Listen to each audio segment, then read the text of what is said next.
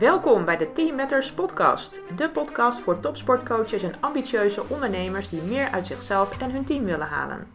Ik ben Marjolein Torenbeek, sportpsycholoog, high performance coach voor sportteams en oud basketballer. En ik ben Karin Wening, oud waterpoloer, bouwer en opsteller van dreamteams binnen organisaties vanuit systemisch perspectief. Vanaf de tribune bespreken we twee wekelijks succesfactoren die teams in sport en bedrijfsleven laten excelleren. Wil jij weten hoe je het potentieel binnen jouw team realiseert? Luister dan iedere twee weken naar een nieuwe aflevering van Team Matters.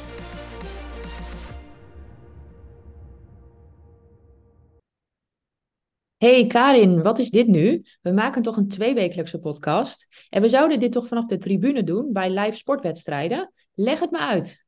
Ja, dat klopt helemaal. Ja, dit is een verrassingsaflevering. Gewoon omdat het kan. En omdat we het een super tof idee vonden om voor teammatters een oud topsporter te interviewen. Iemand die onderdeel is geweest van een topsportteam en nu zelf mede een team aanstuurt. En wie hebben we dan uitgenodigd? Niemand minder dan Jan Smekens. Oud topschaatser, gespecialiseerd in de 500 meter, winnaar van vele medailles en met als hoogtepunt een zilveren medaille op de Olympische Winterspelen in 2014. En daarover zullen we hem zeker spreken. En wereldkampioen in 2017. Gecoacht door Gerard Kempers in de TVM-ploeg en later door Jacques Ory van de Lotto NL Jumbo-ploeg. Op dit moment is Jan werkzaam bij de federatie, waar hij in de rol van managing partner nu zelf een team van medewerkers mag aansturen. Een echte inspiratie dus voor zowel sportcoaches als teamleiders als het gaat om het succesvol functioneren van een team. Ik ben heel benieuwd wat we van hem kunnen leren. Jij ook? Ja, Jan, Marjolein en ik vinden het echt fantastisch dat wij je mogen interviewen hier uh, voor de Team Matters podcast. Ja, leuk. Bij jou op het bedrijf hier, bij de federatie. Ja, superleuk dat jullie er zijn. We zitten hier uh, inderdaad aan het ei, kijkend over het water uh, bij de federatie. En dat is leuk om het eens even over sport en organisaties te hebben. Dat vinden wij ook. Ja, prachtige plek ook. En uh, dus dank dat we hier vandaag mogen zijn. Ja, in jouw rol van managing partner. Ja, dus afgelopen september uh, begonnen in de functie van. Uh, en dat, ja, dat is een geweldige uitdaging natuurlijk na mijn, na mijn schaatscarrière. En dat is best wel grappig als je kijkt van ja, tijdens je carrière, ja, wat ga je doen daarna? Dat is bijna een taboe. Want dan ja, dan leidt te veel af. De vraag van ja, en na het schaatsen dan? Dus het relativeren, dat, uh, dat is dan best lastig. Um, maar om dan wel weer een nieuwe passie uh, te vinden, ja, dat is natuurlijk wel, wel te gek. Ja, bijzonder ook. Hè? Dat uh, wil nog wel eens. ik weet nog wel dat Erwin Wennemars destijds zei van. Ja, en nu een tweede passie vinden, dat is ja. nog wel een uitdaging. Dus dat heb je eigenlijk best wel, lijkt het, ehm, snel opgepakt. Ja, ja, dus het is nu drieënhalf jaar geleden dat ik ben gestopt. Ja. En ik moet zeggen, het voelt ook wel steeds langer geleden. Omdat je, ja, je beweegt gewoon niet meer in zo'n team. En je gaat steeds meer ook ja, binnen een organisatie uh, je verhouden tot anderen. Maar het is ook wel grappig om te kijken van, zeker met deze frisse ogen die je hebt vanuit een topsport, van ja, wat kan je dan ook toevoegen ja. binnen, binnen een bedrijf. Dus dat, uh, dat probeer ik ook zeker vast te houden. ja, mooi, mooi. En Jan, het idee van, uh, van onze podcast is, zoals je weet, om in uh, elke aflevering een nieuw onderwerp te bespreken. Ze hebben allemaal te maken met succesvolle teams. Ja, leuk. En we doen dat ook live bij sportwedstrijden. Mooi. Ja. En leuk wij, idee. Ja, we vinden het ook een heel erg leuk idee. en ja, ook om het te doen. Um, en voor onze luisteraars ben jij ons verrassingselement. Tada! Het inbrengen met jou, oud topsporter. Ja. ja. Dus we zijn ook uh, heel nieuwsgierig. En ja, uh, we willen ook maar meteen gelijk uh, het interessant maken met een inhoudelijke vraag. Want wat is het belangrijkste die, les die jij als oud topsporter hebt geleerd van het functioneren in een schaatsploeg? En die je nu gebruikt als ja. managing partner? Dan kom je wel lekker binnen, Karin. Even goed nadenken. Um, de belangrijkste les, uh, denk ik, om uh, niet altijd maar meteen te handelen, uh, maar even te vertragen. En ik merkte dat zelf juist binnen mijn carrière, want ik was een sprinter, 500 meter. Nou, je hebt 34 seconden om te presteren. Het gaat op het scherpst van de snede, eh, maximaal hoogfrequent focus hebben, een stukje agressie erbij in om heel fel te kunnen zijn. Um, dus dan is het best lastig om even een stap terug te doen En eigenlijk op twee vlakken bedenk ik me nu ook voor een wedstrijd. Van ja, ben ik de juiste dingen aan het doen? Hoe kan ik even vertragen om straks tijdens die wedstrijd te kunnen versnellen? Maar ook wel mentaal tijdens die wedstrijd. Want ik merkte als ik op 98% mijn best deed, dan ging ik uiteindelijk harder dan wanneer ik 100% aan het rammen was. Oh, echt? Mooi. En dat was Wat een wel. inzicht. Ja, nou ja, daar kan ik nu makkelijk over praten Ja. natuurlijk. Ja, eh, ja. als ik daar even op terugkijk. Eh, maar zeker in het begin van mijn carrière was ik juist bezig met gas, gas, gas. En ook misschien de onzekerheid van als ik niet alles geef, dan is het niet goed genoeg. Maar het vertrouwen dat ik kreeg van ja, als ik gewoon even een tandje eraf doe, ben ik veel efficiënter en effectiever in mijn, eh, in mijn wedstrijd. Wat een waardevolle les. Ja. En, en hoe kan je dat dan nu hier gebruiken binnen de federatie? Nou, want uiteindelijk is dat als sporter kan het best makkelijk zijn. Omdat je maar vijf piekmomenten hebt in een jaar. Dus dan heb je ook de hele lange tijd om beslissingen te nemen. En eh, ik merk nu binnen organisaties dat het de dagdagelijkse dingen, alles volgt elkaar op. Er zijn veel belangen, er zijn veel klanten, er zijn veel verschillende eh, ja, dingetjes gaande.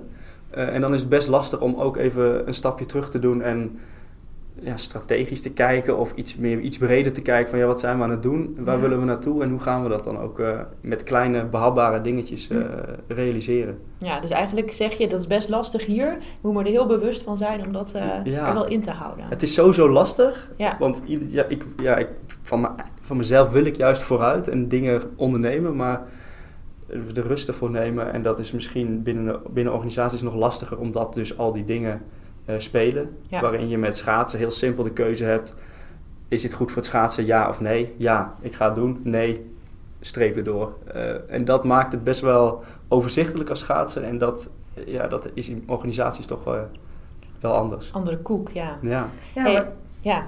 Ja, wat je ook zei, zeg maar dat doelgericht, hè. Eigenlijk begonnen wij ook hier meteen, hè. Doelgericht met een inhoudelijke Ja, vraag. meteen voor het blok. meteen eh, sportmentaliteit erin. Ja. Maar eh, ja, en inderdaad, als 500 meter schaatsen, dan is het ook bam. Vaak is het toch ook wel zo in organisaties dat je dat, ehm, ja, dat je ook doelgericht bezig bent en soms dat vergeet eh, het breder te kijken, denk ik. Hè? Ja, dat, en dat is ook gewoon heel menselijk, maar wel een valkuil. eh, en het levert ons ook vaak heel veel op, omdat we wel lekker bezig zijn. We gaan, we, we gaan ergens voor. Ja, Ehm, maar dat kan je niet ongelimiteerd doen. Dus daarom is het wel fijn om dus zo nu en dan ook even echt terug te schakelen. ja. Mooi. Nou, daar willen we nog meer over horen straks. Maar eerst denk ik dat het goed is dat jij nog iets meer over jezelf vertelt. Want in de introductie hebben we dat al heel kort gedaan. Ja, Maar eh, ja, wie is Jan Smekers nog meer? ja een hele goede vraag. Hele goede vraag. Ik ontdek het zelf ook steeds meer. Ehm, eh, in ieder geval mijn geschiedenis ehm, eh, begint in Raalte. Ik ben, ben opgegroeid in Overijssel. in een klein dorpje. En daar was doe maar normaal. Dan doe je al gek genoeg ook een beetje het credo. En ik wilde graag ja, de beste schaatser van de wereld worden. En dat is dan best... eh, ja, loopt een beetje niet helemaal eh, parallel aan elkaar. Met eh, doe maar normaal. Daar Ehm, onderscheiden je daar wel onderscheidde zeg maar. ik me wel een beetje in. Hm. Ehm, maar uiteindelijk wilde ik heel graag ja, de beste schaatser van de wereld worden. En uiteindelijk heb ik dat mogen doen, 15 jaar lang, commercieel. bij verschillende teams. De TVM schaatsploeg, DSB, Lotto, Jumbo. Ehm Visma kwam daar later nog bij. Ja, hele wereld overgevlogen om wedstrijden te rijden, World Cups gewonnen. Eh, zilver eh, gewonnen op de Spelen. Het voelt soms als goud verliezen. Eh, kunnen we het nog even over hebben. En uiteindelijk in 2017 eh, wereldkampioen geworden op de 500 meter. En dat is ook wel mijn, ja, mijn belangrijkste doel was altijd die 500 meter. Ik specialiseerde me echt volledig op één afstand, waar het in Nederland vaak toch een beetje gek werd aangekeken. Want je hoort er pas bij als je een 1000 meter kunt schaatsen als sprinter. En dat was ook de eerste vraag die ik vaak kreeg. Jan, leuk, wedstrijd gewonnen, 500 meter. Eh, hoe zit het met je 1000 meter? Terwijl ik dacht van ja, hallo, ik ben toch die 500 meter, dit is mijn ding, hier wil ik goed in zijn. En, eh, dus dat was zeker in het begin van mijn carrière wel een beetje eh, pionieren. Ja, want dat was eigenlijk nog niet voor een Nederlander echt goed weggelegd. eh. Nee, dat was toch de Japanners. En Ja. ik werd eh, de Japanner uit Salland, werd Ja, ik genoemd. precies. ja. dus, dat, eh, ja, dus daar voelde ik me wel heel erg aan verwant. ja, ik kan me voorstellen. Hey, wat kun je nog meer vertellen over Jan? Want eh, je carrière is nu al een aantal jaren eh, Ja. voorbij. Ja. Je hebt een hele move gemaakt. Ja, zeker. Dus ik, ehm, nou, om het lekker eh, in de volgorde te houden, heb ik een boek geschreven. Mhm. 2020 toen ik gestopt was, ehm, eigenlijk een, paar maanden later, tot een half jaar later, begonnen met het schrijven samen met co-auteur Jeroen Kleine. Ehm, en daar heb ik eigenlijk gereflecteerd op mijn schaatscarrière. Wat heb ik nou geleerd? Welke fouten heb ik gemaakt? Welke dingen heb ik nou heel goed gedaan? En vooral ook, eh, ja, hoe voelde het nou om dat allemaal te doen? En, en wat heeft me dat opgeleverd? En ik noem het vaak wel het mentale aftrainen. Dus ja, we weten, allemaal, ja. weten allemaal, ja, je hartspieren, je moet rustig afbouwen, minstens vier keer per week trainen. Uh, maar hoe zorg je nou eigenlijk dat je hoofd ook alles weer op een rijtje heeft? En dat heeft me heel erg geholpen door een boek te schrijven. Ja, want het lijkt me best een overgang, hè? Van, uh, nou, je passievolle carrière. Ik wil ja. die, uh, ja, die 500 meter specialist worden. Of ik weet niet of dat al toen al als tienjarige er, erin zat, 500 meter Ja, specialist. nou, dat, was, dat, dat kwam wel rond mijn 15e, 16e, denk ik. Ja, ja. En uh, ja, dan voel je je toch best wel klein als je stopt. Ja. Je identiteit verlies je toch. Uh, je was Jan de Schaatser op elke verjaardag van... En Jan, hoe is het met het schaatsen? Weet je wel? Het was een beetje waar je jezelf uh, ja. aan, kon, aan kon verhouden. Dus dan is het best wel lastig om te ontdekken... wie ben je nou naast Jan de Schaatser? En, en dat, uh, dat was best emotioneel. Zeker ehm, eerste maanden dat je stopt. Überhaupt de beslissing maken. Ja. Want hoe heb je die beslissing gemaakt? Wat, wat maakte dat je besloot te stoppen. Wat maakte dat? Want die heb je zelf gemaakt? Ja, die heb ik zelf gemaakt. En ik ga even terug in mijn gedachten ook. Want ik reed in Salt Lake City mijn, weet ik veel hoeveelste WK. Ik werd, ja. was top 10. Het was helemaal niet zo slecht.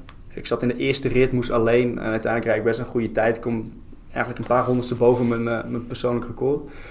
Um, en eigenlijk had ik na elke wedstrijd altijd het gevoel van als ik dit aanpas of als ik nou iets meer met die krachttraining doe, dan ga ik weer presteren. Dan kan ik wel die stap weer zetten naar die top, uh, naar het podium. En toen was het eigenlijk voor het eerst dat ik dacht van ja, ik weet niet meer hoe ik dit moet doen. Mijn lichaam adapteerde misschien minder goed meer op trainingen. Ik werd stijver. En thuis uh, had ik een dochtertje gekregen. Dat is super, ja. super mooi. Josie die was toen zes maanden of vijf maanden denk ik. En ik had drie maanden van haar opvoeding gewoon gemist omdat ik in hotel zat. Uh, en dat gecombineerd met het gevoel van ja, ik weet eigenlijk niet meer of ik wel de, de wereldtitel kan winnen. Dus dat was ook een beetje weg. Uh, en toen ook zelf die moeilijke beslissing genomen van ja, ik neem afscheid, afscheid van mijn identiteit als schaatser. En dat heeft me uiteindelijk heel veel, heel veel positiviteit opgeleverd ja, wel een dappere, hè? Want uh, ik hoor wel een beetje life defining moments, hè? Geboorte van je dochtertje. Ja. En, ja, en, en ook dat je heel goed je lijf voelt uh, van wat het kan en wat niet kan. En daarbij ook je doelen ja. van wat... Ja, je wil gewoon het hoogst haalbare als topsporter natuurlijk. Ja. En, en dan de en balans... geen concessies doen daarin. Ja, ja. En die balans, als dit, dat voelde voor mij opeens niet meer goed. En dan leer je toch wel naar jezelf en naar je lichaam en naar je geest luisteren. Het klonk wel als een hele uh, weloverwogen beslissing. Ja. En uiteindelijk ja. merk je dan toch wel dat je met daar... De ratio was het inderdaad ja. heel wel overwogen. Alleen, ja, ik zat toch wel uh, met tranen in mijn ogen naar de sportjournaal te kijken... dat ik uh, een interview geef dat ik stop met schaatsen. Hmm. En ik heb ook nog heel lang dromen gehad van wedstrijden schaatsen. Ja, dat snap ik. Ja. dat ik te laat kom, mijn pak kwijt, vergeten en dan haasten. Dus dan, dat, dat zit zo in je systeem. En dat gaat er ook niet zomaar uit. En daarom ook dat boek, wat, uh, wat voor mij heel prettig was om uh, even te reflecteren op al die uh, gekke dingen die je uiteindelijk gedaan hebt. Ja, ja. ja. ja mooi. Ik, ik heb ooit iemand, ik weet niet meer wie het zei, horen zeggen van... Um, ja, iedereen kan wel eens een boek schrijven. Het is goed voor je reflectie oh, en, ja. en het verwerken van ja, iets wat heel belangrijk is geweest voor je. En uh, dat is het natuurlijk ook, hè, die carrière. Ja, ja. en even de tijd ervoor te nemen ja, inderdaad. je sluit natuurlijk echt iets af. En je gaat er ergens ook weer op door. Je gaat er ook weer op door, ja. mooi bruggetje. Uh, en dan nu als, als managing partner bij de federatie. en dat vind ik wel heel gaaf. Dit bedrijf is heel erg bezig met ontwikkeling.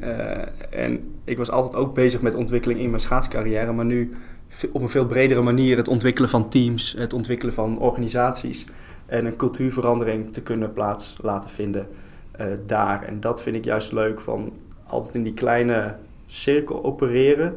Nu juist veel breder te kijken en inkijkje te, te mogen hebben bij binnen bedrijven en die ook uh, kunnen helpen. Wat mooi. En dat doe jij in de vorm van workshops, lezingen, Uh, trainingen? Ja, ja. dus uh, wij uh, bij de federatie, het is een communicatie, trainingsbureau. en daarin zorgen we dat we, en werken we heel veel met, met acteurs. En daarin willen we ja, organisaties helpen, één, een spiegel voor te houden, maar ook het gedrag, de houding en gedrag van mensen uit te lichten. en dat iedereen wel een goede reden heeft waarom die iets wel of niet doet. En dan lijkt het soms heel logisch, maar als je met elkaar in gesprek gaat van ja, waarom hou je dan niet aan die regel? Want een afspraak is een afspraak. Uh, dan zitten daar ook altijd goede redenen voor diegene achter om het niet te doen. En, uh, en daar het gesprek over voeren en met acteurs uh, uit te beelden van hoe dat dan is en waar willen we naartoe. ja, dat vind ik wel heel mooi om te zien dat je daar binnen een organisatie ook echt een verandering kunt, kunt plaatsvinden. Mooi, heb je daar een voorbeeld van? ja, zeker. Dus we werken heel veel in de, uh, ook in de industrie. En dan gaat het ook Ja. over veiligheid. Ja, Ehm, en dan gaat het, ja, je ziet vaak fysieke veiligheid, maar eigenlijk daarvoor komt sociale veiligheid. En dat is natuurlijk een super, eh, ja, super mooi actueel thema. zeker. Ehm, dus als je niet eh, iemand, eh, laat zeggen, iemand loopt op een steiger op 4 meter hoogte. Nou ja, de regel is, we hebben het afgesproken, aanlijnen. Want als je valt, dan val je niet op de grond. Ehm, en, eh, en je ziet dit, maar je zegt er niks van, omdat je ook eh, een ander belang hebt. En dat is, ik wil ook met die gozer mee naar huis rijden. En hij rijdt voor mij al, een half uur om en dan ga ik lopen zeuren. Eh, en daar het gesprek over hebben en te zorgen van, ja, waarom doen we dit eigenlijk? Uit zorg voor elkaar. Ehm, ja, dat zijn hele kleine dingetjes die uiteindelijk een, eh, een grote verandering teweeg kunnen brengen. Levens. eh, Ja, nou ja, in dit geval Kunnen redden in dit levens, geval. Kunnen, le- levens kunnen redden. ja. Ik kan me ook voorstellen dat dat binnen een schaatsploeg, als we weer eventjes terug eh, spoelen naar jouw Ja. schaatscarrière, ook wel relevant is. Hè? Dat je dus, uiteraard ben je een individuele sporter, je, je, je schaats voor jezelf, maar wel binnen een ploeg. Ja. Dat je ook oog hebt voor de ander, eh, hoe het met hem gaat, of die goed voor zichzelf zorgt, of die bepaalde zeker. maakt. Hoe, heb je dat ook zo ervaren? Ja, want dat is wel echt een relevant item. Want als schaatser sta je in je eentje met je cappy op eh, aan de startstreep. Maar binnen een team heb je juist elkaar ook nodig. En in een schaatsteam heb je elkaar nodig om te zorgen dat je daar op je best staat. Ja. En eh, het grappige is, als ik daar op mijn best sta, dan staat de andere daar ook op zijn best. En je bent ook een concurrent van elkaar. En dat kan best wel een soort van wrijving veroorzaken. Ehm, maar zeker in jaren dat ik zelf goed presteerde, merkte ik heel erg als je dus elkaar, als iedereen goed in zijn vel zit en iedereen elkaar wil helpen en iedereen eh, in een soort van eh, flow komt, eh, dat dan dat teamgevoel dusdanig meehelpt in de individuele prestaties. En dat, ja, dat is iets wat, wat niet heel vaak gebeurt, maar wat als het gebeurt, dat het echt super mooi is en effectief. Ja, dus een goede sfeer, een goede samenwerking in dat hele proces naar Ja. die belangrijke wedstrijden toe is heel erg helpend voor een schaatser om, zich, eh, ja, om daar goed te kunnen presteren. Ja, en, en bij mij staat één ding wat meteen bij mij naar binnen schiet. En dat is de DSB-ploeg. Ik was vanuit TVM allround team naar een sprintteam gegaan. DSB-ploeg van, eh, van Jack Ori. Eh, en ja, dat, dat, dat voelde goed. Alleen na een half jaar ging de sponsor failliet. Nou, een heel debakel. Uiteindelijk verloren wij al onze funding om op trainingskamp te gaan. Eh, Oh, we konden ja. niet meer reizen. We hadden eigenlijk niks meer. En het was het Olympische schaatsseizoen van Vancouver. En we hadden allemaal zo'n gemeenschappelijk doel en zo'n verbondenheid met elkaar. En en dat echt ervoor zorgde dat we allemaal stonden, ja, elkaar waren, aan het helpen waren om te zorgen van, nou ja, ik ga naar de Spelen, maar mijn eh, collega, concurrent gaat ook naar de Spelen. Want wij willen iets moois neer gaan zetten en laten zien dat wij als team eh, dit kunnen overleven. En we bleven allemaal bij elkaar. Ondanks dat je misschien eh, vanuit andere ploegen aanbiedingen kreeg. eh, Ja. en dat geld helemaal niet leidend was daarin, maar puur de, de liefde voor de sport en ook het presteren als team op die Spelen van Vancouver. En uiteindelijk plaatsen we ons bijna allemaal voor die Spelen. En dat, dat, ja. is wel, dat was wel echt heel de cool. kracht van zo'n team dan, hè? wat Ja. het kan zijn. Ja, en dat was tevens ook mijn eerste Spelen. En ik werd ook zesde. Eh, nou ja, die, dat jaar daarvoor was ik op een WK beste resultaat ooit is twaalfde geworden. Dus ik maakte echt zelf ook echt een gigantische sprong Ja. eh, vooruit. Dus we zeggen wel eens dat je het niet kan meten, hè, wat dat de bijdrage is. Maar jij zegt dus weer heel mooi van, ja, maar ik werd wel even zesde op die Olympische Ja, Spelen. en Door dat- gewoon ook de, de teamdynamiek die met elkaar dat doel heeft van, ja, dit, dit is een externe factor, daar kunnen we niks aan doen. Maar hier kunnen we wel wat met elkaar. Ja, Ja, exact. En dat was, dat was ook mooi. En dan zie je ook in kleine dingen van dat we ook met elkaar lol hadden. Trainingskamp Colalbo, eh s'avonds acht uur, we gaan een film kijken met z'n allen. En niet iedereen bleef lekker in zijn eigen kamertje op zijn laptopje Ja. scrollen, maar dat we gewoon met elkaar leuke dingen gingen doen. Ja. Ja, magisch is dat. Hè? Ik herken dat ook vanuit eh, het waterpolo. En jij misschien ook wel in Ja. Van dat je Ja. elkaar feilloos vindt en dat het lekker loopt. En, eh, ja. Ja, dat lijkt me ook wel mooi in een teamsport. Want dat heb ik zelf nooit gevoeld. Dat je die, die samenwerking tijdens een wedstrijd ook heel erg op elkaar Ja. kunt vertrouwen of zo. Ja. Ja. blindelings intuïtief vindt. Ja. Ja. Maar, de- maar wat, wat ik jou, eh, bij jou zo interessant vind, is ja, dat je, hè, want ik weet nog wel dat Ronald Mulder eh, eh, bij de ploeg kwam. En toen dacht ik, ah, dat is wel interessant natuurlijk, want Ja. ergens ja, is dat je concurrent dan. Hè? Ja. En, eh, en, en jij vertelt net natuurlijk dat je daar, ja, dus Ja, ik had diezelfde reactie ook. Ja, Ja. Interessant, want ergens is het een bedreiging ja, voor mijn eigen positie. Want hij heeft dezelfde specialiteit. En uiteindelijk als individuele sporter ook... Ja, het valt of staat bij jouw eigen prestaties. ja, Maar ik vond wel mooi, ondanks onze verschillen die er altijd zijn, dat we elkaar echt wel goed eh, konden ondersteunen binnen de trainingen. En dat we elkaar echt hielpen in de wedstrijdvoorbereiding. Bijvoorbeeld voor die spelen waar ik eh, tweede word, hij, hij wordt derde. Ehm, dat we samen aan het inrijden zijn, een versnelling op het ijs doen om elkaar ja, te helpen. Eh, Maar ook met de gedachte van, nou ja, over een uur dan sta ik hier met mijn mes tussen mijn tanden eh, en dan wil ik gewoon winnen. En Ja. ten koste van de ander. ja, ja. En dat is ook wel een lekkere, als individuele sporter, dat je ook wel die, die switch kan maken. Ja, ik zie daar heel veel dingen in terug. Dus eh, eh, eigenlijk je autonomie, hè, die je dus heel sterk behoudt. En tegelijkertijd eh, ook een teamplayer zijn. Want eh, ja, ik hoor je ook zeggen van als je samen goed traint, dan ben je ook samen sterk en je maakt elkaar beter. Ja, en dat is best wel interessant. En, en dan als je het echt hebt over het team wat loopt. Ja, als iedereen echt alleen maar voor zijn eigen BV'tje gaat, Ja. dan ga je individueel ook inleveren. Ja, En dat, ja, dat, dat is mooi met topsport. Het is winnen of verliezen. En dan, dat geeft zichzelf, ja, dat geeft super mooi weer hoe, ja. hoe het gaat. Eh, Ja, wat ik ook even een mooi bruggetje vond, is eigenlijk dat me, ik realiseer me dat, eh, dat eh, Ronald in die ploeg komt. Dat heb je ook met nieuwe medewerkers, hè? ja, of exact. een nieuw managing partner zoals Ja. jij. En mensen voelen, kunnen zich daardoor bedreigd voelen in hun positie. Of eh, ze zien een bepaalde promotie aan zich voorbij gaan. En het is wel mooi om van jou te horen hoe je daarmee bent omgegaan. omgegaan. Dus dat je ook zegt van, ja, maar ik werd daar beter van. Ja, dus Ja. dat je het als een kans ziet. Ja, Ja. Ja. en dat zag ik ook niet meteen ook als een kans. En dat vind ik wel mooi bij de federatie. Is dat we ook eh, heel veel eh, ja, op allerlei manieren ook zonder oordeel eh, ergens ingaan. Eh, en, en dat dat juist voor hele mooie perspectieven leidt van, die je zelf misschien niet had kunnen bedenken. En dat is iets eh, wat hier echt in de cultuur, in het DNA zit. En dat is in de topsport, merkte ik achteraf dat ik dat ook leren spelende wijs ging doen. Maar dat wat jij zei, van het voelt misschien wel als een bedreiging. Dat had ik ook eerst wel. Hm. Maar als je eenmaal met elkaar bezig bent en elkaar een beetje aan gaat voelen en gaat samenwerken, dat je dan ook merkt van ja, ja die eh, eerste tien passen op de start van Ronald, nou, daar kan ik best wel wat van leren. ja. En hoe, hoe ga- kan ik dat nou meenemen? En hij heeft dat misschien met, eh, het uitkomen van een bocht, weet ik veel. En ja. eh, zo kun je elkaar dan wel eh, meenemen. Challenge ook eigenlijk, hè? Ja. Ja, Ja. En wie ben jij in een samenwerking met een ander? Hè? Want nu is het heel technisch, eh, eh, de bocht en de start. Waar, Ja. wat, wat voor iemand ben jij dan als je samenwerkt met een ander of met een, met een staf of andere schaatsers? Ja. Ja, welke mensen heb je allemaal hè? Nou ja, je hebt de mensen die motiveren, die op anderen letten, de gangmakers, degene die de Ja. lijnen uitzetten. Ja, Noem maar Ja, op. dus ik, ben, ik denk ik dat ik zelf meer eh, strategisch of iets meer overzicht hou. Eh, niet meteen de gangmaker ben, maar wel heel graag een, een voorzetje geef, zodat een gangmaker hem echt lekker hard in kan koppen. Eh, dus daar, daar, daar zie ik mijn rol vooral. En, en inderdaad in het, in het bredere veld eh, van wat, eh, ja, wat is strategisch misschien goed of wat is misschien een, eh, een mooie insteek om, om het over te hebben. Dus zo zie ik mijn rol zag ik zeker ook bij binnen de schaatsploeg. Ja, Ik vond het zelf ook wel een, een vraag waar ik dan met Jack Ori, mijn trainer, over had. Van joh, we zijn nu, doen heel vaak dingen hetzelfde. Maar stel je voor, we hebben 100 miljoen euro budget.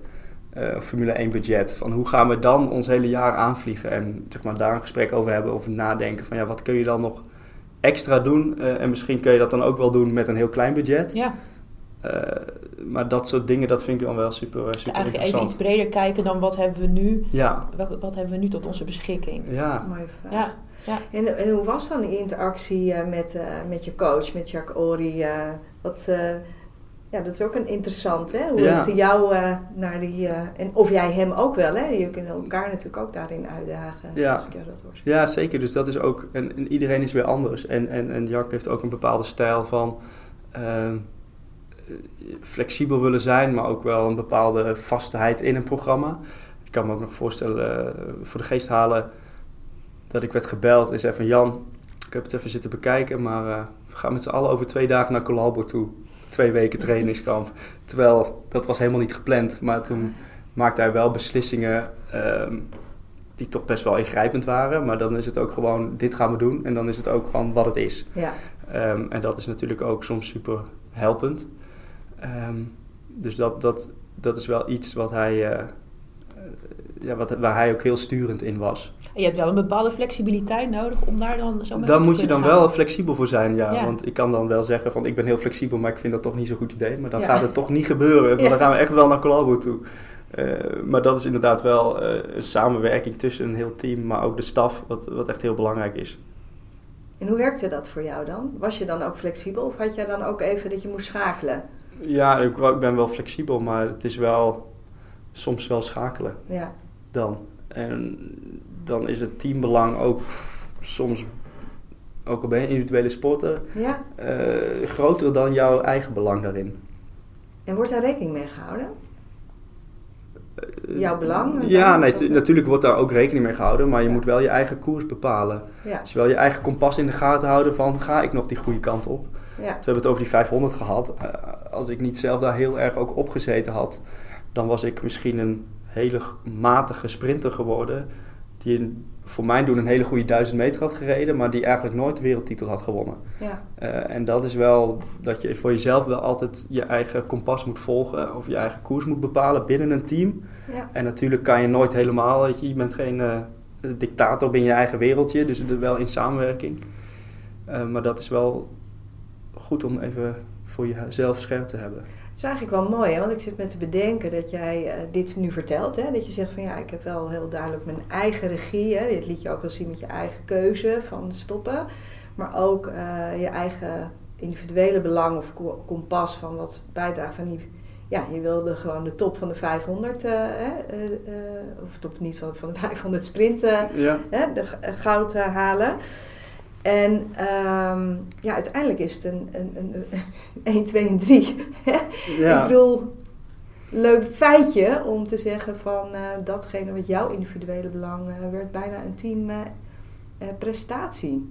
ja, en dat is best wel heel bijzonder ook dat we, en dat, daar was ik zelf best trots op, van ooit is twee keer een zilveren medaille volgens mij gewonnen op de Spelen en nu stonden we op 1, 2 en 3 eh, op de grootste sportwedstrijd op de 500.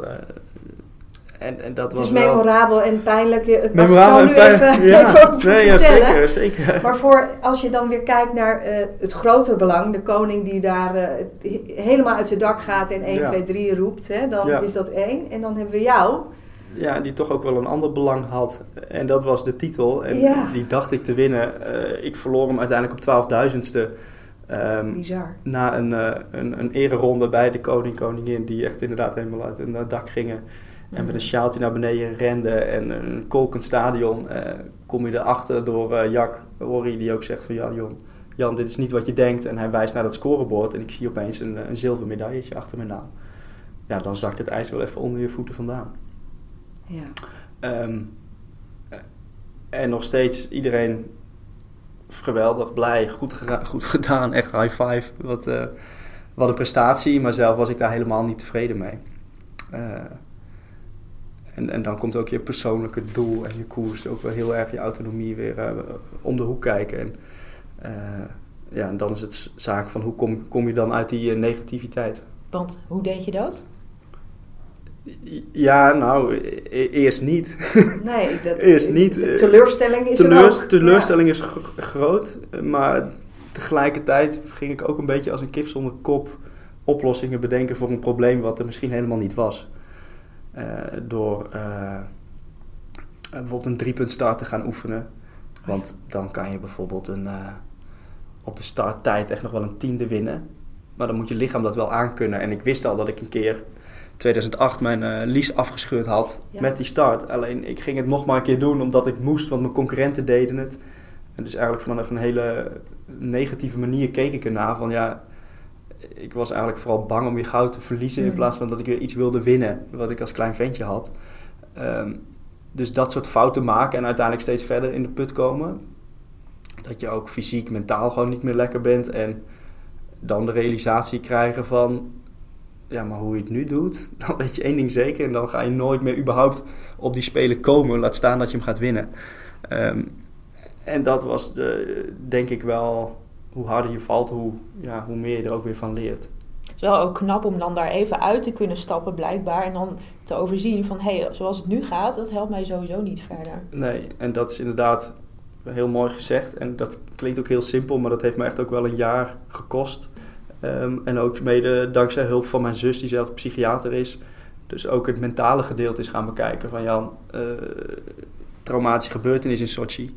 Dus dat is de, waar de speler was. Ehm, ja, misschien is het toch een EMDR-therapie gaan volgen, mediteren. Of in ieder geval even tot rust komen en even een pasje achteruit te doen. In plaats van haasten, haasten om maar zo snel mogelijk het beter te gaan doen. En dat was voor mij echt een hele belangrijke les. Ja, het... Ehm, kan me voorstellen, want je hebt dat toch even te verteren en te verwerken. Ja. En dan uh, wel tot een topprestatie komen drie jaar later. Ja, dus dat is het fantastische aan sport. Het is zwart of wit, het is verliezen of het is winnen. Ja. Um, en voor mij geeft het heel veel, ja, heel goed gevoel van, nou ja, het ging niet goed. Uh, en dit zijn de dingen die ik deed. Uh, om uiteindelijk die wereldtitel te winnen. En, en juist die weg daar naartoe eh, met die veerkracht, eh, dat heeft voor mij een hele extra lading aan mijn carrière gegeven uiteindelijk. Want hoe stond je daar misschien anders op dat WK dan toen bij de Olympische Spelen? Uh, nou, op de Olympische Spelen was ik ook heel goed. Hm. En de fout die ik maakte was, ik, ben niet goed, ik was niet goed tijdens die Spelen. Terwijl ik twaalfduizendste goud verloor. Je was geweldig. Dus ik was, geweldig, ik was geweldig. Maar in mijn hoofd dacht ik dat dus niet. En, en dat is dus, daarom wilde ik ook iets oplossen wat ik eigenlijk er was eigenlijk niet een probleem. Ik was gewoon hartstikke goed. En alleen in mijn hoofd maakte ik dat veel groter. En, eh, en juist die realisatie van uh, eventjes uh, alles in perspectief kunnen zien, maar ook ja, wat is belangrijk voor mij. Want ik ben zelf, ik vind het heerlijk om na te denken, maar ik kan ook over heel veel details nadenken. Ik ben een perfectionist. Maar om dan ook elke avond even je geest op standby te zetten of even te mediteren. En dat hielp mij heel erg om te zorgen dat ik ja, even bij mijn lijf kon komen, bij mijn gevoel kon komen en vanuit daar ook uh, betere beslissingen te kunnen nemen in de trainingen. En, en inderdaad, wat jouw vraag was van hoe stond je nou aan die start? Van ja, wel weer met vertrouwen en ook met weer plezier en met een wil van ik wil iets neerzetten in plaats van ik ben bang om iets te verliezen. Dus dat was voor mij, ja, dat, dat was wel echt een geweldig gevoel. En ik, ik bedenk me nu ook, ik, ik ging ook voor die wedstrijd dus even mediteren, omdat ik dacht van ja, nu zit ik veel te veel oh, te denken. Terwijl het ook maar gewoon een 500 metertje schaatsen is, weet je. Het is niet anders dan uh, in Deventer op een publieksuur bij wijze van spreken gewoon rijden. Um, en toen ging ik uh, in zo'n schoonmaakhok liggen met een paar bezems erin. En er zat zo'n automatische lichtswitch op. Dus na drie minuten of zo ging dat licht uit. Want er was geen beweging. Ik lag gewoon met mijn ogen dicht in dat, in dat zaaltje. En uh, nou, helemaal prima. Maar dan uh, na vijf minuten komt er opeens een Koreaan binnen en die, die schrikt zich dood. Want het licht gaat aan en ziet daar een Nederlander liggen. Uh, die vraagt meteen, gaat het allemaal goed? Ik zeg, ja, top. Uiteindelijk was het top. En ehm, was ik ook precies klaar toen hij binnenkwam. En ja, dat zorgde er wel voor dat ik ook gewoon de rust had en het vertrouwen in mezelf had. Eén, om die tijd te nemen voor mezelf. Maar ook dan tijdens die wedstrijd om gewoon de juiste dingen te doen. Ja, dus daar al het vertragen. Dus voor die wedstrijd even juist dat moment van rust nemen om daarna te kunnen knallen. Ja, en dat vertrouwen inderdaad te hebben van joh, als ik daar aan die start staat, ja. gaat het gewoon goed komen. Ja, mooi. Mooi hoe je dat dan ja, ook weer verbeterd hebt in uh, ja, hoe sta je daar weer uh, vol vertrouwen. Hè? Ja, en dan, dat is wel leuk om dan ook die, die, die switch te maken naar, je, naar het bedrijfsleven. Of in ieder geval je nu, mijn nieuwe functie nu. Ja. Ja, hoe kan je dat nou inzetten ook... Uh, omdat het een valkuil van mezelf kan zijn om maar door te willen. Want ja, je wilt ondernemen, je wilt dingen bereiken, maar juist in die vertraging dat daar heel veel, eh, heel veel winst ligt. En dat is, eh, ja, dat is altijd wel fijn om even in je achterhoofd te hebben. Ja. En eerder hoorde ik jou zeggen dat uh, wat jullie doen met de federatie is andere bedrijven helpen samenwerking te verbeteren, communicatie met elkaar, naar elkaar luisteren, elkaar aanspreken. Mhm. Dat zijn allemaal skills die jij ook tijdens je carrière ongetwijfeld hebt moeten leren. Zijn dat Zeker. dingen die jij, kun je eens een voorbeeld geven van zo'n vaardigheid die je dan hier nu heel goed kan gebruiken? Eh, ja, zeker. Nou in ieder geval eh, puur de skill van eh, een doel stellen. Hoe ga je er nou naartoe? Eh, maak je de stappen niet te groot, want dan kan het ook best wel verlammend werken. Dat Mhm. merkte ik ook. eh, zeker als je nog niet bij de top bent, maar je wilt er naartoe, dan denk je, ja, ik moet dit. Terwijl dat denkt van, ja, pff, eh, nu durf ik helemaal niet meer over die lat heen te springen, want dit gaat me sowieso niet lukken. Dus daarin die kleine stapjes te maken. Ehm, en ehm, ja, ook de... Ik even na, Dus niet die lat te hoog leggen. niet de zei lat, te- je. ja, niet die lat te hoog leggen. Dus dat is wel een, een Dat belangrijke. het niet in die verkramping... eh, Niet in die verkramping komen. ja. Geldt het dan voor jouzelf of ook voor misschien verwachtingen van mensen om jou heen? Ja, dat is toch altijd wel een wisselwerking. Wat Hm. anderen van je verwachten heeft ook invloed op jezelf. Eh, dus dat, ik merk dus dat eh, gewoon een mooie doelstelling hebben met een realistische stappen daarheen. Dat dat heel prettig werkt ehm, om ook het grotere plaatje te kunnen bekijken. En, en daarom vind ik het heel gaaf om hier te zijn bij de federatie. Want zij hebben zoveel nieuwe inzichten voor mij waar ik mezelf weer kan, in kan ontwikkelen.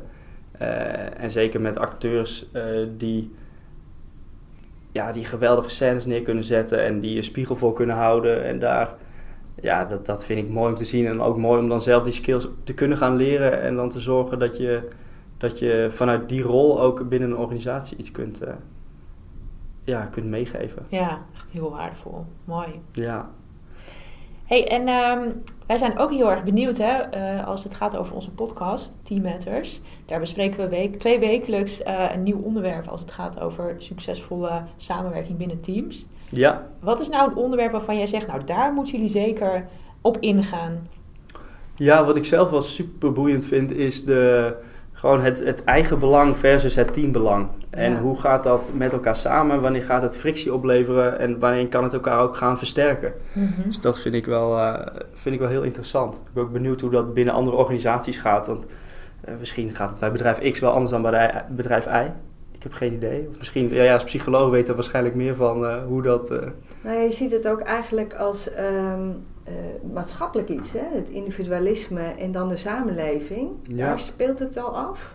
En inderdaad, eh, de jongere generatie willen zich allemaal zelf ontwikkelen, maar willen ook wel weer de gezamenlijkheid. ja, dus ehm, ik, ik denk dat het een enorm hot eh, item is eigenlijk, een mo- mooi onderwerp is. Waar eh, je eigenlijk, wat je net vertelde, hè, hoe Ronald eh, bij het team kwam, hoe je daarmee omgaat, wat je, ja, dat dat enorm ehm, inspirerend is om eh, met die topsportmetafoor, ja. waarin jij eigenlijk vertelde ook, het is vrij zwart-wit, hè? Mhm. Interessant om daar mee verder te gaan. Ja, een leuk onderwerp.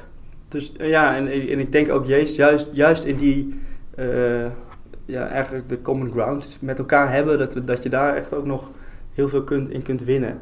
En, eh, en zonder oordeel meteen op elkaar eh, te reageren, maar ook echt openstaan voor de ander. En, eh, en dat vond ik mooi in het, in het schaatsen, dat ik, je wilt zelf heel graag winnen. Daarvoor ben je individualistische sport, je wilt gewoon een prestatie neerzetten, maar juist dat je die realisatie hebt van ja, maar alleen ga ik dat sowieso niet redden. Ja. En hoe ga ik dan de ander meenemen en de, en de ander mij inspireren om te zorgen dat ik beter word. En uiteindelijk als het moment daar is, dat je dan gewoon ieder voor zich bent. Maar dat je wel allebei of een heel team eh, de beste voorbereiding hebt gehad die je kon hebben. Ja, dus echt de samenwerking opzoeken in de weg daar naartoe. Ja, Ja. Ja, daarin is die, eh, wat je zei eerst over eh, wat er gebeurde met eh, de weg naar Vancouver, hè, dat eh, de Ja. Ja, daarin zie je dat eh, als er iets negatiefs gebeurt hè, in, in de ervaringen uit er, eh, bedrijven, dat dan het team zich wel sterkt. ja, Hè, dan gaan we er met z'n allen voor. Ja. Of een spoedje moet er doorheen. Of ja. hè, iets. brandje blussen, heerlijk. Brandje blussen, heerlijk. Maar op het moment dat je eigenlijk naar die spelen toewerkt of naar een WK toewerkt en je elkaars concurrenten bent, dan up- te upteamen en van elkaar te leren en te, te challengen en gebruik te maken van die eh, competitie, maar dan wel ten positieve voor gezamenlijkheid en het individuele belang, is daar wel een hele mooie, heel mooi voorbeeld van. Ja, zeker. En, en het is natuurlijk ook, het is ook een mooi voorbeeld, ook omdat het heel lastig is. Maar het is ook juist, eh, denk ik, omdat het zo lastig is, ook een hele grote kans voor heel veel eh, eh, Ja. binnen organisaties, maar zeker ook binnen, binnen de topsport. Ja. Hey Jan, en wij gaan de volgende aflevering gaan we het hebben over momentum. En als je nou bedenkt wat jouw ervaring met momentum was als Ja. topsporter. Ja, want ik zat dat al een beetje te kijken van ja, momentum. Ja, Eh, ik zat ook aan flow te denken, ja, maar dat is toch niet helemaal toch een hetzelfde. beetje anders. Ja, Ehm, ja flow is eh, inderdaad, je, eh, je vergeet ook wel de tijd. Eh, en je, je zit er helemaal in, maar het is meer op de individu, individu kan je wel zeggen van, nou, ik ga lekker, ik ben lekker in flow. Mhm. En momentum is iets ook wat je met, met elkaar creëert, hè? Ja, Dus dat je voelt, eh, nou ja, hè, dat heb je ook in, in een wedstrijd, hè, Marlijn met basketbal, waterpolo. Of ik weet nog, eh, toen ik in Nieuw-Zeeland was, dat ik voelde vanzelf van, nou, dit is hem gewoon. Ik was niet aan het warming-uppen echt, ik was gewoon in de full focus van, dit gaat hem gewoon worden. Ehm, en dan je team natuurlijk nog mee en dan voel je die vibe, je voelt de energie al hangen. ja, En dan klopt alles. heerlijk gevoel. Ja, en wat, ik weet nog wel, Mark Tuitert zei ook zoiets, hè, van eh, eh, in Vancouver was dat Ja, volgens precies. mij. En dat was ook het jaar van DSB, dat wij dus ook Exact. naar failliet gingen. Ja. En hij, ja, hij had er echt, op dat moment had hij, dan zit alles mee en dan wil alles en dan heb je het vertrouwen erin. En zelf Ja. realiseer ik me ook heel erg dat ik in een jaar alle World Cups won. Ja, En dat je dus ook die ontspanning hebt tijdens die ritten, maar ook in de voorbereiding. En dat je dat juist vindt door die controle los te laten. Wat, ja, ik vind het best lekker om controle te hebben, maar om dat dan los te laten. beetje tegenstrijdig voelt Dat dat. is heel tegenstrijdig, maar dat is wel de kern, eh, denk ik, ook in momentum. Eh, het was een wedstrijd in Erfurt, eh, ja, die won ik. Natuurlijk, kan je nu zeggen. Maar ik voelde dat ook aan die start, toen ik aan die startstreep stond. Ja, dit, deze wedstrijd die is gewoon voor mij. Want ik, of het nou links of rechts om gaat, ik, ja, ik, ik voel gewoon dat het, dat het goed komt vandaag. En in die voorbereiding ging eigenlijk alles mis. Eh er was een voetbalwedstrijd, eh, nou ja, duizenden supporters. eh, ja, moesten ook een plekje zoeken om te parkeren. Nou, die ijsbaan ligt naast het voetbalstadion. Ik zit met Kjeld Nuis in die auto en we parkeren denk ik drie kilometer verderop. Komen veel te laat aan. Ongeveer die hele warming-up voor mij is in het water gevallen. Ik eh, doe een paar sprongetjes op het middenterrein. eh, trek mijn pak aan, ga staan aan die streep en ik win die wedstrijd. En dat vertrouwen inderdaad, ik denk dat dat wel echt centraal staat. Dat is cruciaal, hè? Ja. Ehm, dat, En dat voel je dan tot in elke vezel. Ja, ja. En, en dat is ook heel grappig, dat voel je dan. En je hebt, daarna heb ik ook momenten gehad dat het echt helemaal niet ging. En dat je jezelf echt afvraagt van hoe deed ik dat nou Hmm. toen in Erfurt. En nu kan ik me nog niet eens plaatsen voor een World Cup. En toen won ik die wedstrijd gewoon met twee vingers in je neus voor je gevoel. Ja. En momentum is dan ook iets wat je echt letterlijk, fysiek in je lijf voelt. Mm, Het geeft het gevoel van vertrouwen. Je voelt kracht, denk ik ook. Hè? ja. Mentaal heb je niet last van eh, allerlei gedachten. Nee, Die nee. zijn alleen maar hè, eh, Dus en, krachtig. ja, en dat merk je dus ook, eh, ja, heerlijk topsport. als het niet goed gaat, merk ik dat ik heel erg aan het micromanagen ben. Nou ja, ook een mooie link met organisaties. Ja. Maar eh micromanagen in de vorm van, eh, staat mijn auto goed geparkeerd? Eh, hoe kom ik met het minst, het efficiëntst naar die wedstrijd toe? Terwijl dat helemaal eigenlijk ondergeschikt is, weet je wel. Als je twee kilometer verderop moet parkeren, kan je nog steeds die wedstrijd winnen.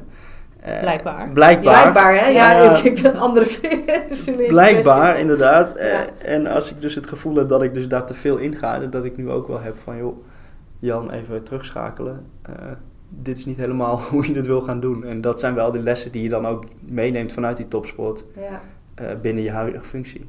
En geloof jij ook dat je momentum eh, kan creëren of vasthouden? Ja, nou, we zitten hier met Marjolein als psycholoog. Ik zelf vind ik het.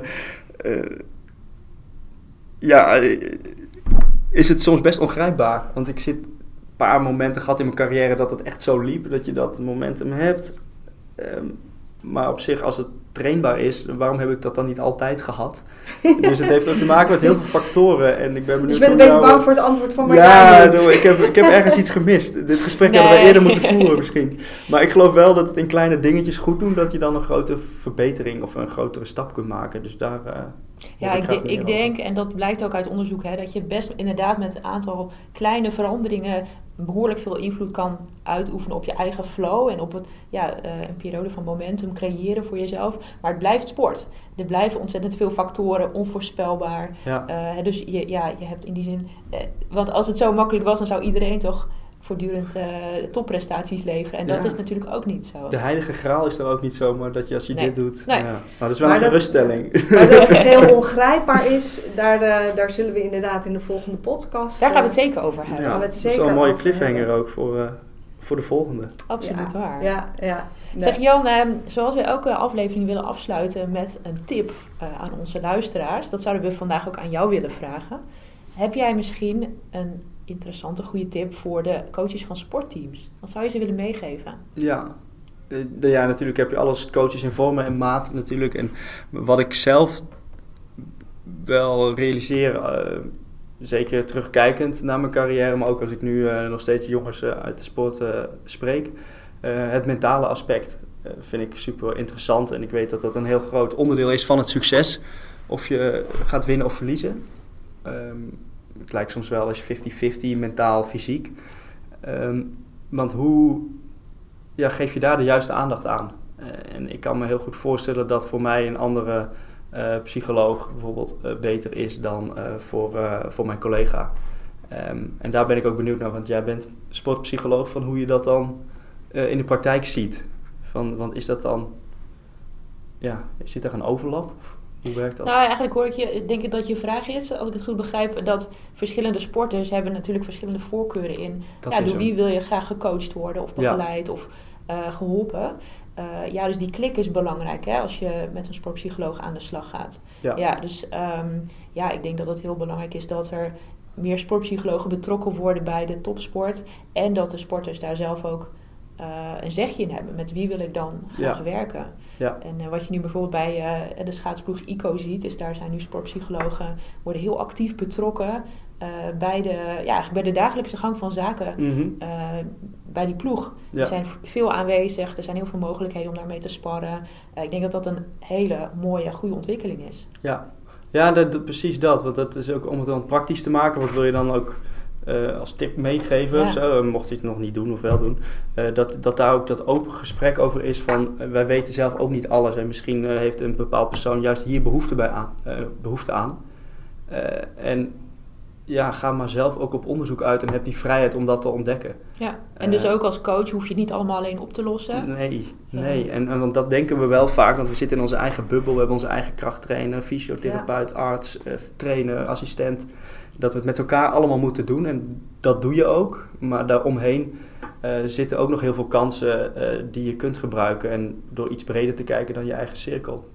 Ja, dus ook dat wat het jou heeft opgeleverd. Hè? Om ja, exact. exact. En ik had het geluk dat mijn zus uh, psychiater is en die me geholpen heeft. Ja. Maar ik kan me goed voorstellen als ik dat niet had gehad, dat ik misschien nooit die wereldtitel gewonnen had. Ja. Um, en, en daarin ja, zit denk ik heel veel kracht. En wat ik mooi vind aan jij, wat, jou, wat jij zegt, eh, Marjolein, uh, het hoeft niet over hele grote dingen te gaan. Het kunnen ook over kleine dingen zijn die steeds 1, 2, 3 procent helpen. Uh, en dat zijn net de 3 procent focus die je misschien nodig hebt tijdens een wedstrijd om te focussen op de dingen die je moet doen. In plaats van dat je bang bent of je wel goed in het, in het startschot valt, of je wel goed de binnenbocht aansnijdt.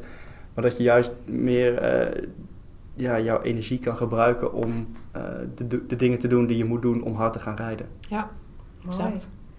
En als je hem zou vertalen naar het bedrijfsleven, heb je dan ook een uh, tip voor de ja, ondernemer, de teamleider? Uh, ja, en dat is voor mij wat heel als schaatsen misschien makkelijker is dan als teamleider. Want uiteindelijk het stilstaan, even kijken van hoe willen we ons doel gaan bereiken. Want uiteindelijk heb je een doelstelling. Ja. Maar dagdagelijks ben je altijd bezig met heel veel dingen, zaken die lopen, uh, brandjes blussen, noem het maar op. Um, en dan is het best lastig om even stil te staan. Om even een stap terug te doen en het overzicht te hebben van zijn we de juiste dingen aan het doen om die doelstellingen te bereiken. En daarin is het in de sport makkelijker en nog steeds moeilijk. Want je hebt maar vijf momenten dat je hoeft te pieken als, uh, als schaatsen. En hoe ga je dan het hele jaar inkleden om te zorgen dat je dan goed bent? Dus je hebt veel meer de tijd om, uh, om even een stapje terug te doen. Je wordt niet dagdagelijks in een bepaalde, ja, in een bepaalde mailwisseling. Uh, twintig belletjes die je krijgt. Uh, ja. weet je, het is best lastig om de eventjes... De waan van de dag. De waan van de dag, exact. Uh, en dat, dat is best lastig, maar ik denk dat dat wel heel belangrijk is. En als schaatser is het enigszins ook makkelijk van... Is deze beslissing goed voor de sport, voor mijn schaatsen? Ja, dan gaan we het doen. Nee, nou, doen we het niet. Maar als teamleider of coördinator heb je waarschijnlijk veel meer belangen, doelstellingen te maken met andere mensen, andere belangen. en dan is het juist knap en heel belangrijk, denk ik, om juist even dat stapje terug te kunnen doen. Mooi, die nemen we mee. Nou, ja. Jan, dank je wel voor dit uh, prachtige interview. En um, heel leerzaam gesprek. Ook, ja, dank jullie uh, heel, wel. Uh, de beleving daarbij. Um, ja, we, geven, we bieden jou graag ook iets aan. Want Marjolein heeft daar ook een mooi boek over geschreven. Oh, over synergie in ja. Alsjeblieft. Leuk. teams. Dankjewel. Ja, synergie, heerlijk. En hoe bereik je dat dan? Dat is, dit is de... is de Bijbel. is de Bijbel, ja. hoe was het om het te schrijven? Heel leuk, heel uitdagend, uh, ook heel leerzaam. Ik ja. ben zelf ook wel weer uh, overal ingedoken om alles goed uit te zoeken. Dus ja, uh, ja dus ook, ook voor mezelf weer een heel mooi leerzaam proces geweest. Ja, ja cool. Dankjewel. Ik ga hem lezen. Veel plezier. Ja. Dankjewel. En ik heb een heel ander uh, boek. Meer uh, ja, het boek van de legend, zeg maar. 10 jaar topschaatsen.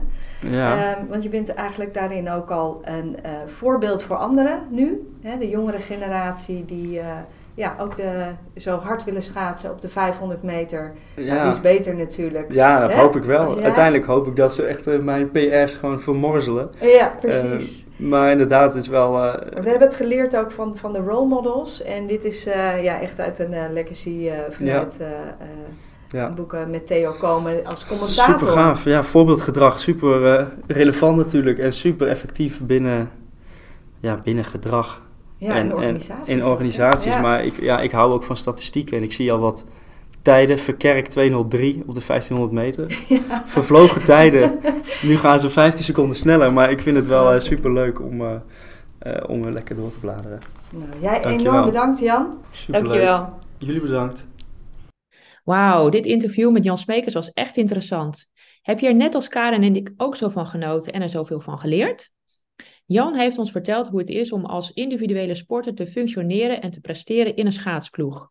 Ook heeft hij met ons gedeeld hoe hij de lessen uit zijn schaatscarrière nu gebruikt als managingpartner bij de federatie. Tot slot heeft hij voor jou als sportcoach en ondernemer een waardevolle tip gedeeld. Ga voor meer inspiratie naar de show notes van deze aflevering. Ja, zoals we aan het einde van de eerste aflevering al verklapten, staat in de volgende aflevering het onderwerp momentum centraal. Want grip hebben op momentum is enorm belangrijk om een succesvol seizoen of onderneming te draaien. Zo belangrijk dat we ons hier meteen in de eerste aflevering vanaf de tribune op gaan focussen. Dus geen verrassingen meer? Nee, in de volgende aflevering zitten we echt op de tribune. We bespreken dan onder andere dat momentum helemaal niet zo ongrijpbaar is als veel mensen denken. En zoals Jan dacht. Daarnaast onthullen we ook hoe je zelf momentum kunt creëren in de wedstrijd en in je onderneming. Dat wil je toch niet missen? Graag tot de volgende Team Matters. Dankjewel voor het luisteren naar deze unieke aflevering van de Team Matters podcast. Vond je het interessant en ben je benieuwd naar de volgende aflevering? Abonneer je dan nu op deze podcast en mis geen enkele aflevering. Wij zijn Marjolein Torenbeek en Karin Wening. Tot een volgende Team Matters.